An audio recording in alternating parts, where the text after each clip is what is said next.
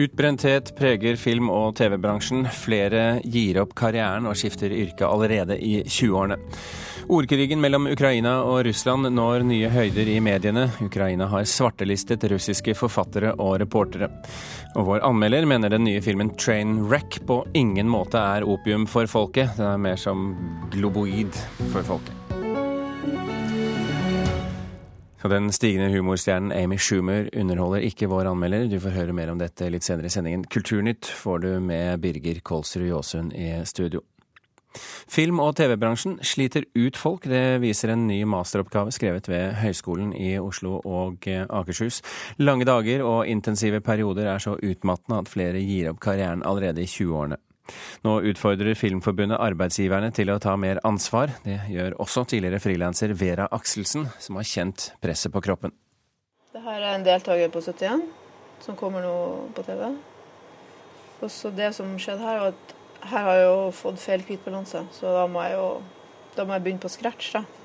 På et eh, mørkt lite redigeringsrom dominert av tre store PC-skjermer sitter Vera Akselsen og korrigerer fargene på den kommende sesongen av 71 grader nord. Etter 15 år med tunge arbeidsperioder i film- og TV-bransjen, etterfulgt av utbrenthet, fikk 43-åringen i fjor en ganske annerledes arbeidshverdag. Jeg har gått på sikkert tre smeller i løpet av karrieren. Første gang da jobba jeg på sånn prosjekt der man skulle følge folk, og da hadde jeg foto, regi og lyd sjøl. Og da var jeg ganske fersk, og da kjører man jo på. Man kjører jo, ja. Da klarte du liksom ikke å koble ut. Vera er ikke alene. I masteroppgaven bak lerretet av økonomi- og administrasjonsstudent Hilde Elise Helgesen kommer det fram at flere unge i film- og TV-bransjen er utbrente. Mange lange arbeidsdager og intensive perioder gjør at flere velger en annen karriere, ofte så tidlig som i 20-årene. Vi ser at høyt arbeidspress og mye ubekvem arbeidstid fører til eh, utbrenthet eh, og redusert jobbengasjement. Helgesen får støtte av Filmforbundets leder Sverre Pedersen, som mener arbeidsgiverne har et ansvar for å gjøre hverdagen lettere for folk i filmbransjen. Han mener bl.a. at god planlegging er en forutsetning for kortere arbeidsdager. Hovedproblemene i film- og TV-bransjen det er dårlig planlegging av produksjoner, som medfører lange eh, arbeidsdager, mye overtid. Eh, og dette er jo en ond sirkel. For det er klart at når du har et prosjekt som er fra en uke til tre måneder, og du plutselig er oppe og jobber 12-14-16 timers dager, så går det på helsen løs. Han mener arbeidsgiverne må gjøre mer. Vi ønsker jo i samarbeidet med Virkeprodusentforeningen at de skal ta et større grad av arbeidsgiveransvar. Både med tanke på å skape gode lønns- og arbeidsforhold, men også det å skape den resterende delen av det vi ser på som en naturlig del av et profesjonelt norsk arbeidsliv. Direktør i Virkeprodusentforeninga Torbjørn Urfjell mener likevel det skal være mulig å jobbe karrieren ut også i film- og TV-bransjen, selv om det kanskje krever litt mer enn andre steder. Ja, Film- og TV-bransjen kommer nok aldri til å bli den bransjen som er for de aller mest trygghetssøkende i arbeidslivet. Men jeg møter jo hver dag selskaper som er helt avhengig av å ha toppmotiverte folk som gjør jobben innenfor film og TV. Og da må man sørge for at det er fullt ut levelig å jobbe et fullt yrkesliv fra begynnelse til slutt innenfor bransjen. Men det er visst lettere sagt enn gjort. Vera forteller at forholdene har blitt bedre etter at Filmforbundet fikk på plass en overenskomst i 2010 som bl.a. ga rett på overtid. Men situasjonen er fremdeles problematisk. Vera har kjent arbeidspresset på kroppen. Jeg har jo vært på jobb med 40 feber, men du kan liksom ikke ringe inn syk heller. Du må liksom gå på jobb. Men nå har situasjonen altså forandra seg, og Vera er fornøyd med A4-tilværelsen. Jeg kommer til å fortsette. Eh, fordi nå har jeg jo fått en litt eh, mer regulert jobb. Liksom Stressnivået i kroppen er jo borte. Den bonusen med å ha fast lønn og trygghet og kan være syk, da, den er jo veldig god å ha. Ja, Det sa Vera Akselsen til reporter Runa Rød.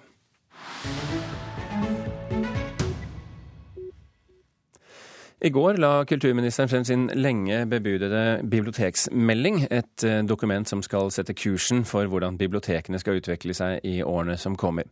Og en ny strategi kan synes nødvendig. De siste årene har nemlig besøkstallet på norske biblioteker gått ned med 10% ifølge tall fra Statistisk sentralbyrå.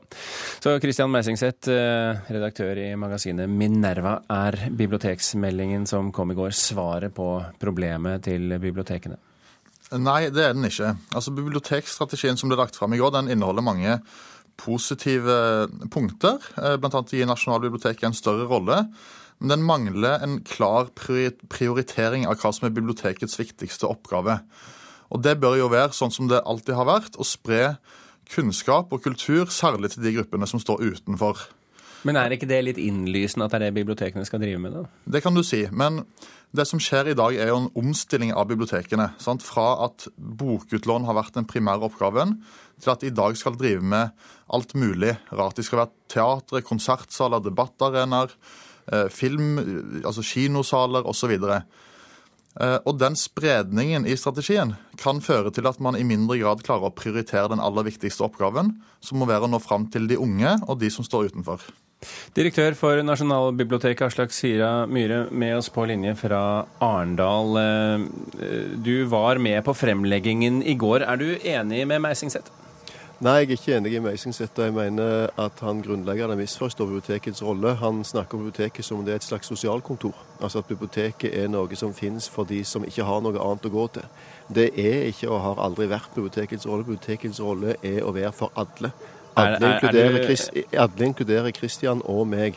Det er det ene. Det men, men, skal ikke biblioteket være for de som ikke har råd til å kjøpe bøker selv? Nei, biblioteket er for alle har alltid vært. Husk at biblioteket brukes da av fire til fem av ti innbyggere i Norge to tredjedeler av alle unger. Det er ikke de fattige ungene som bruker biblioteket, det er alle ungene som bruker biblioteket. Det er alle skolene. Det er pensjonistene, det er innvandrerne, det er deg og meg. Det, det er det primære funksjonen til biblioteket. Det andre er at strategien legger ikke opp til at man skal redusere bokutlånet. Bokutlån i bibliotek er stabilt. Eh, arrangementer og tiltak, digitalt innhold og alt det andre vi gjør, kommer ikke istedenfor bokutlån. Det kommer i tillegg til bokutlån. Og så er dette en bibliotekstrategi fra regjeringen. Det er ikke et pålegg om prioriteringer for norske folkebibliotek. Vi har 428 folkebibliotek. De drives av kommunene, og de styrer seg sjøl. Og de styrer seg etter de prinsippene Meisingseth snakker om. Bibliotekene er vår primære integreringsarena. Det er de som når fram til fattige unger. Det er de som når fram til ungdom. Det er de som når fram til de gruppene som ikke kommer en plass. Men det er én viktig viktig ting Meisingseth ikke skjønner. Og det er at Hvis bibliotekene hadde innretta seg, hvis regjeringen hadde sagt bibliotekene skal innrette seg mot fattige, innvandrere og de som ikke har noe annet, og vi lagde programmer ut ifra det, så ville ingen kommet. Groucho Marx, den klokeste av alle Marxer, har sagt I would never join a club that wants me as a member. Jeg har jobbet i 15 år med å lage programmer for ungdom, for innvandrere, for fattige, for minoriteter. Og det er så helt sikkert. Hvis du sier at du lager et arrangement for minoritetsungdom, så kommer det ingen minoritetsungdommer. Dette burde Meisingseth vite. Altså, det, er jo, det er jo fine ord, altså. Eh, men når du snakker, så høres det ut som om alle bruker biblioteket. Og det, det gjør det jo dessverre ikke. Det er eh, Halvparten av befolkningen bruker ikke bibliotekene. Og når det gjelder å nå fram til de unge, som du snakker mye fint om, så er det jo faktisk dessverre sånn at andelen av 16- 24-åringer som bruker biblioteket årlig, har falt fra rundt 60 til rundt 40% på 10-15 år. Det er, et, det er, et, radikalt fall. Eh, og da eh, mener jeg at uh, biblioteket er nødt til å se på hva som er den viktigste kjerneoppgaven. Og det har vært å spre kunnskap og kultur. Sant? og være en opplysningsaktør. Sant? Mer som en skoleinstitusjon som skal løfte opp de som står utenfor. Eh, og mindre å sammenligne med teater eller en konsertsal. sant? Ja. Eh, og det som, når du la fram, fram denne strategien i går, så snakka du fint om at bibliotekene skal få velge å bli sånn som de vil. Sant? Et bibliotek kan kan eh, velge ut én målgruppe og et annet bibliotek noe annet. Et, et, bibliotek kan bli som en kinosal, et annet kan bli en konsertsal, et tredje kan bli et teater. Uh, og det, det, er jo fint med den friheten. Sant? Som liberaler så setter jo jeg veldig stor pris på at du er snill og lar bibliotekene gjøre akkurat det, vil, det, de vil. Men det jeg savner en litt sånn sterkere vektlegging at all, av at det aller viktigste for bibliotekene er at de klarer å nå frem til de unge og til de som i dag ikke leser så mye, ikke leser aviser, ikke leser bøker, de som faller utenfor i skolen, eh, og innvandrerungdom spesielt, som det er veldig mange av. Myhre. Dette er litt som å be et meieri om å lage mer melk, eh, fordi at de har ost og andre tilbud i tillegg. Eh, kjerneoppgaven til biblioteket er å være en kunnskapsinstitusjon. Det vet alle bibliotekarer. Det ligger i bibliotekstrategien, det ligger i alt vi gjør. Men vi er ikke mindre kunnskapsinstitusjoner fordi at vi har foredrag, debatter, fordi at folk kan komme på forfattermøter arrangementer. Tvert imot så er jo dette en del av den virksomheten Meisingset etterlyser. Det er å lokke folk inn til litteraturen, lokke folk inn til kunnskapen. Det nytter ikke å åpne ei dør og si 'kom her, her er det bøker'. Hvis folk skal komme inn til bøkene, så må du vinne dem inn til bøkene. Dette er det bibliotekene gjør i dag. Det er dette vi holder på med. Og så er det noe til tall om Meisingset. Nå må ikke du bløffe på tall og gjøre ting verre enn det de er. To av tre unger er i biblioteket hvert år, altså barn. Så er det aldersgruppe 16-24 hvor det er et fall. og Det er helt reelt. Og så må vi si hva er fallet? For det første så er videregående skolebiblioteker bygd ut de siste ti åra. De tallene faller ut. Hvis folk, går, hvis folk går på skolebibliotek istedenfor folkebibliotek, så faller det utfor. Det andre er at vi skal jo nå lage en strategi for å få disse folka tilbake igjen. Gjennom digitalt innhold, gjennom arrangementer, gjennom foredrag. Men du får ikke de folka tilbake igjen med å si 'kom her og bli klok'. Kom til biblioteket nå, så blir du kjempeklok. Kom, kom, kom. Kort til Meisingseth. Ja, Når det gjelder akkurat det med digital strategi, så er det jo én ting jeg også savner i bibliotekstrategien. Og det er en litt vanskelig sak. Og da foreslår jeg at de som vil inn på det, går inn på artikkelen på minerva.no og leser da innlegget ditt der, for der står det denne vanskelige saken. Det er eh, flere poenger fra Christian Meisingseth der. Aslak Sira Myhre har sikkert også flere ting på hjertet, men vi setter en strek her uansett. Takk for at dere stilte i Kulturnytt. Takk. Klokken er 14,5 minutter over åtte. Du hører på Kulturnytt, og dette er toppsakene i Nyhetsmorgen nå. Havneområdet i den kinesiske millionbyen Chendin ser ut som en slagmark etter nattens enorme eksplosjoner. Minst 44 mennesker er drept, i tillegg er flere hundre skadd. IS-sympatisører sto bak 80% av alle terrorangrep eller planer om angrep i vestlige land det siste året. Det viser analyser fra Forsvarets forskningsinstitutt. Og slankeopererte ungdommer sliter psykisk både før og etter operasjonen, viser svensk undersøkelse. Vi opererer mage, ikke hode og hjerte, sier overlege.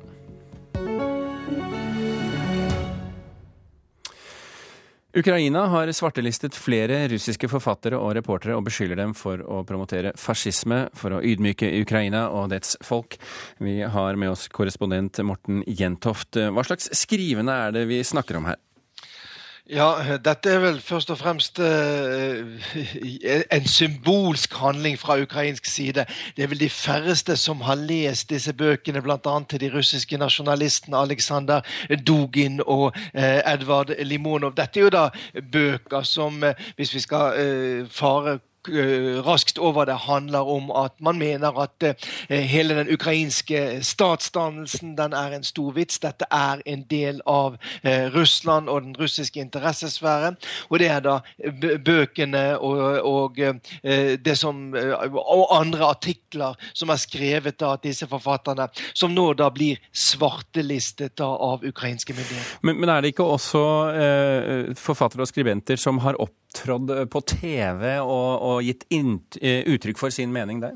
Jo da, det er det jo. Blant annet Sergej eh, Dorenko er jo en meget kjent og kontroversiell journalist i, i, i, Russland.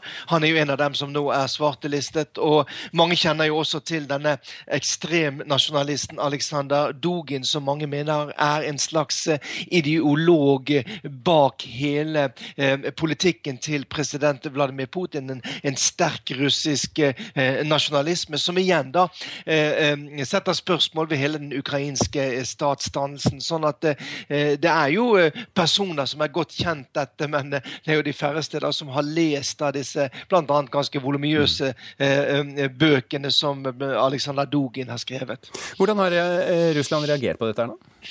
Ja, man har jo sagt at vi i Russland da føler seg sterk nok. Vi vil ikke svare med samme mynt. Det er ikke snakk om å forby noen ukrainske forfattere, det kan de jo gjøre. Den ideologiske storebroren i denne storkrigen er jo nettopp Russland. Eh, eh, talskvinnen i det russiske utenriksdepartementet, den nye talskvinnen det er Maria Sakharova, hun skriver på Facebook at dette er et vedtak som er gjort uten at det har fattet rettskraftige beslutninger her. Og hun siterer også da russiske, eh, russiske 1800-tallsforfatteren Aleksandr mm. Gribojedov som sier at det, det, er ikke nok da med å, når du skal slåss mot djevelen, eh, og, og eh, da må du gjøre mer enn å beslaglegge bøker du har. Du må også brenne dem. Og det er jo nok et utslag for, fra russisk propaganda, for det har jo aldri vært aktuelt fra ukrainsk side at man skal eh, starte bokbål for å brenne disse bøkene. Det vil jo gi assosiasjoner til en tid som de færreste vil tilbake til. Vi får se hvordan dette her utvikler seg etter hvert, Morten Jentoft, om det stopper her eller eskalerer. Eh, tusen hjertelig takk uansett for at du kunne være med oss fra Moskva.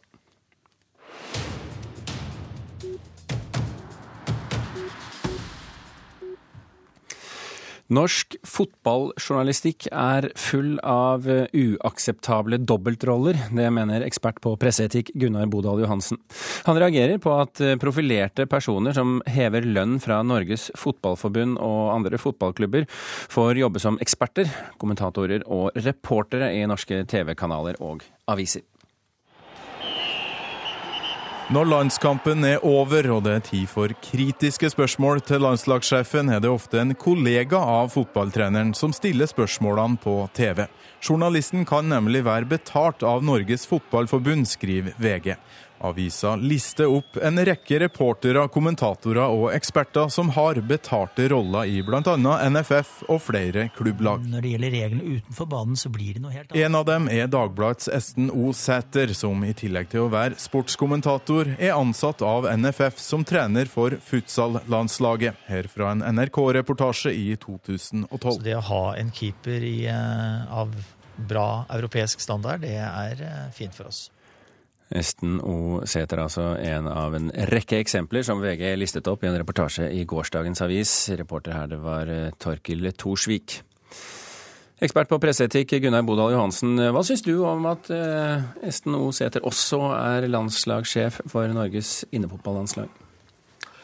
Ja, la meg si aller først at debatten om medienes og redaksjonelle medier, medarbeideres uavhengighet er en gammel debatt, og en debatt som vi alltid må ha.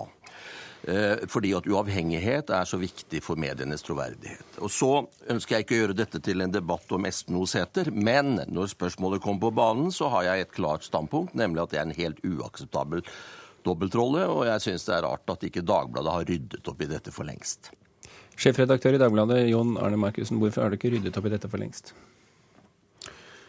Esten Osæter ble ansatt i Dagbladet i 1984. Han har bak seg til nå en 40-årig erfaring som frivillig, gratisarbeidende, engasjert fotballtrener i KFUM. Han gjør det vi alle bør og skal gjøre, delta i samfunnet som frivillig knytta til idrettsbevegelsen. Underveis i 2008, før min tid som sjefredaktør i Dagbladet, så ble han spurt om å ta jobben som landslagstrener for futsal-landslaget. Det konfererte han med daværende ledelse i Dagbladet om, og fikk lov til å gjøre. Jeg har videreført det, og jeg har snakka med Esten Osæter om at vi må ha noen kjøreregler. Han har 50 000 i lønn, i honorar, for å gjøre den jobben. Han, eh, hans forhold er kjent. Jeg diskuterer den i media en gang i året, denne saken. Ja, Den er kjent, det er transparent, og det tror jeg er en viktig ting. Er dette godt nok eh, svar, eh, Johansen? Nei, altså Hvis man anvender det sjefredaktøren i Dagbladet nå sier på andre eh, journalister, så vil man jo si til slutt at eh, hele norsk presse kan sitte igjen med et frivillig arbeid som gjør at man har eh, en finger inni det meste. For dette dreier seg jo ikke bare, Uavhengigheten dreier seg selvfølgelig ikke bare om Esten Oseter og, og, og, og, om fotball, det dreier seg jo om eh, journalistikken generelt. bare, bare la meg skyte inn at, at Esten Oseter er et eksempel. Vi skal ikke vektlegge han. Altså, det er derfor jeg er litt opptatt av det. La oss snakke prinsipielt. Snakke prinsipielt. Eh, fordi at, eh, fordi at, det her handler om at vi må være, ha en uavhengighet. Og da må journalister som velger å være journalister, også velge bort andre ting. Eh, det jeg er opptatt av, er av det store bildet, hvor man i journalistikken Og det er en fare for ikke bare sportsjournalistikken, men også all annen journalistikk, kulturjournalistikken, politiske journalistikk, næringslivsjournalistikken, at man er for tett på de miljøene som man skal dekke. Da skjer det to ting. Det ene er at man lett adopterer de premissene. Eh, og de, de, forutsetningene som miljøet selv legger til grunn for sin virksomhet. Og det andre er at man overfor publikum får en, får en rolle som gjør at man ikke er troverdig. Og dette er farlig for journalistikken. Og det store bildet her når det gjelder sportsjournalistikk, er jo det at man ofte får et inntrykk av at uh, at mennesker hele tiden er i en sånn svingdør, hvor man i ene øyeblikket er en aktør, og i neste øyeblikk identifiseres som en del av det redaksjonelle miljøet i f.eks. en TV-stasjon, eller for den saks skyld i en, i en, avis. Dette gjelder jo ikke bare sentralt, det gjelder jo også lokalt. Jeg får jo ofte inntrykk av at lokale sportsjournalister skriver som begeistrede eller skuffede supportere i mye, mye mindre grad kan føre en kritisk og en systemkritisk linje overfor idrettslag. Markusen? Ja, først, Jeg må få avrunde det med Esten Sæther, siden debatten starter der i dag.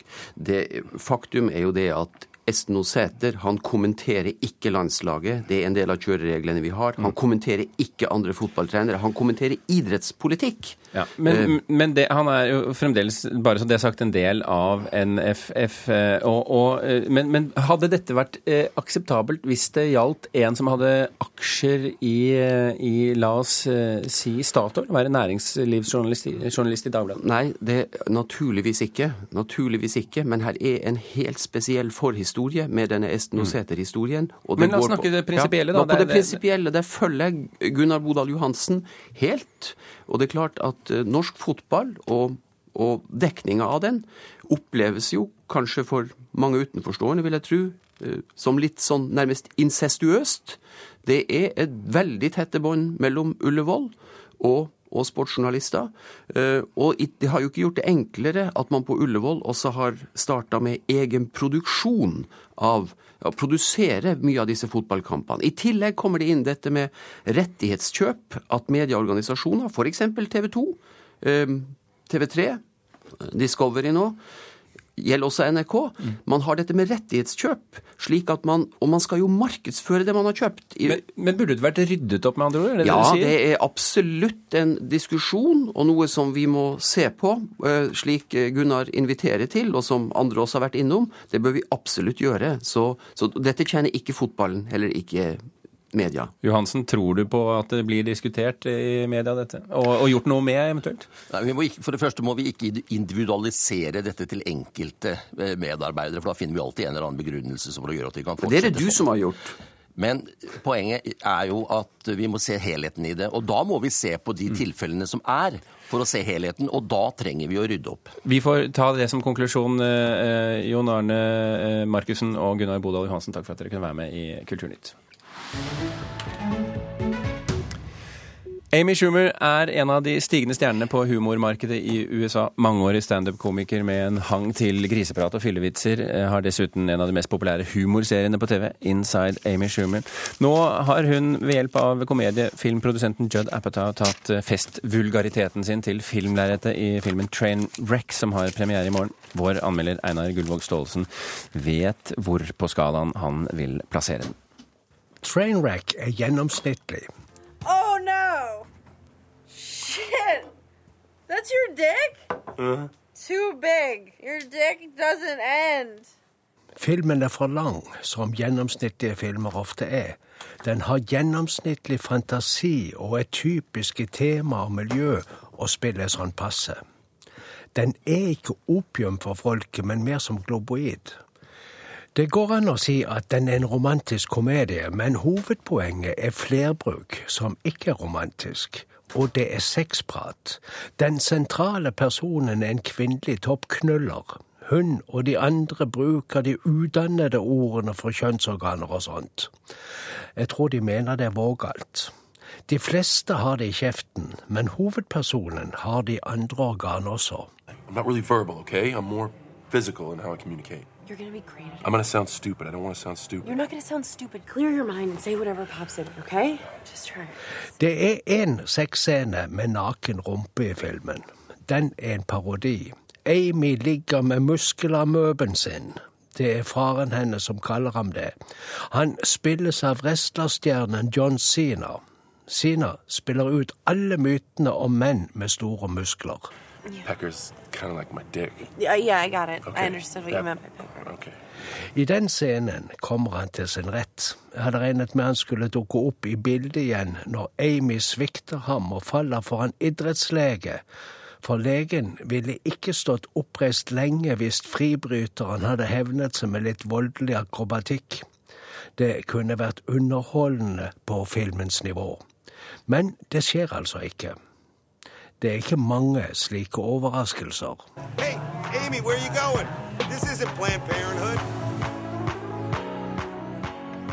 Denne Amy er Amy Schumer, som både har skrevet manus og spiller hovedrollen. Hun er morsom av og til. Hun er en kjent stå-opp-komiker.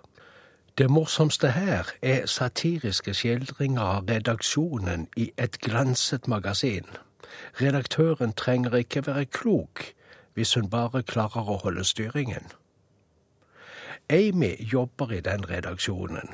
Det er ganske gjennomsnittlig at de fleste i en slik film jobber i media eller i andre bransjer hvor det dreier seg om meg selv og alle andre som er viktige. Komikere morer seg stadig oftere med andre kjendiser, verbalt. Sitat. I hvilken av Johnny Depps roller ville du helst ha knullet ham? For me, it's Pirates of the Caribbean. Like I love a fully Really? made up, long hair, like almost feminine looking Johnny Depp. Not almost. Like he looks like a beautiful woman in that movie. Yeah. Who would be yours? I'm picking like an Edward Scissorhands Johnny Depp. Hva med Willy Wonka? yeah, but he'd feel so bad about it that he'd be like, I'll never leave you. Sitat slutt. Einar Gullvåg Staalesen slutt. I hvert fall for denne gang. Og Kulturnytt er slutt. Espen Hansen, Vidar Sem og Birger Kolsrud Jåsund takker for følget.